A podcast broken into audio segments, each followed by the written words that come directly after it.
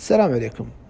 في هذا البودكاست بتتعرفون على رحلتي المهنية والمحطات اللي صنعت الفرق في مسيرتي واللحظة اللي اتخذت فيها القرار بالتغيير الجذري وشو ضاف لي العمل في هيئة تنظيم الاتصالات بتكون مثابة إطلالة سريعة على رحلة تشكل تجربة يستفيد منها الجميع إن شاء الله. وياكم أنا أحمد السويدي قائد مراكز إسعاد المتعاملين في الهيئة العامة لتنظيم قطاع الاتصالات. رحلتي المهنية بدأت قبل 15 سنة كموظف مركز اتصال في مصرف دبي.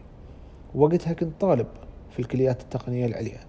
صحيح كان في تحدي كبير للعمل والدراسة في نفس الوقت ولكن أخذت هذا القرار لأن كان عندي تخوف من أني أتخرج بدون خبرة عمل فوافقت أني أخوض هذا التحدي.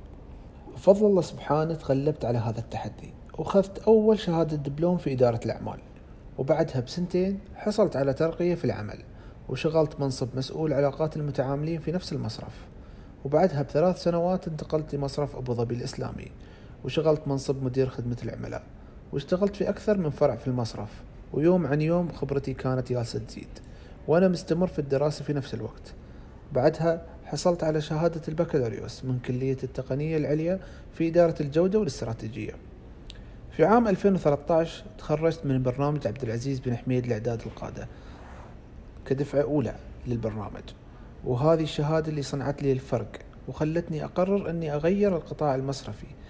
بس طبعا ظليت في نفس القطاع المالي واشتغلت لفترة محدودة في شركة الاتحاد للمعلومات الائتمانية كنائب مدير إدارة خدمة المتعاملين.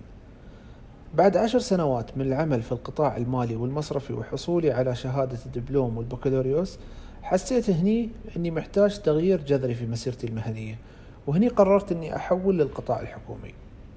انضميت للهيئة العامة لتنظيم قطاع الاتصالات في عام 2014 كمشرف خدمة متعاملين وتوليت مسؤولية إشراف مركز إسعاد المتعاملين والبدالة حين ذاك وفريق صوت المتعاملين ومشاريع القسم والمؤشرات الخاصة في القسم درست وضع القسم الحالي وارتئيت لعادة هيكلة القسم بما يتوائم مع رؤية الدولة وبرنامج الإمارات للخدمة الحكومية المتميزة. طبعا أسست مركز اتصال مزود بتقنية الرد الآلي التفاعلي وخصصنا رقم مجاني مميز وسهل لكل حد يقدر يتذكره اللي هو 812 تم توزيع المهام إلى أربع مهام رئيسية على مستوى القسم وكانوا مراكز إسعاد المتعاملين ومركز الاتصال وفريق صوت المتعامل بالإضافة للفريق الفني كصف خلفي داعم لباقي المهام. وفضل الله تم تقييم المراكز في النظام العالمي لتصنيف النجوم من قبل مكتب رئاسة مجلس الوزراء. وحصل مركز دبي على أربع نجوم ومركز أبو ظبي على ثلاث نجوم. وأيضا دخلنا مركز اتصال للتقييم أو التصنيف التجريبي. في عام 2019 بفضل الله حصلت على شهادة الماجستير في إدارة الإبداع والتغيير. وهذا ضاف لي الكثير. بدأت مسيرتي المهنية في هيئة تنظيم اتصالات كمشرف خدمة المتعاملين ومن عقبها قائد تطوير الخدمات الحكومية. وحاليا أشغل منصب قائد لمراكز إسعاد المتعاملين في دبي وأبو ظبي.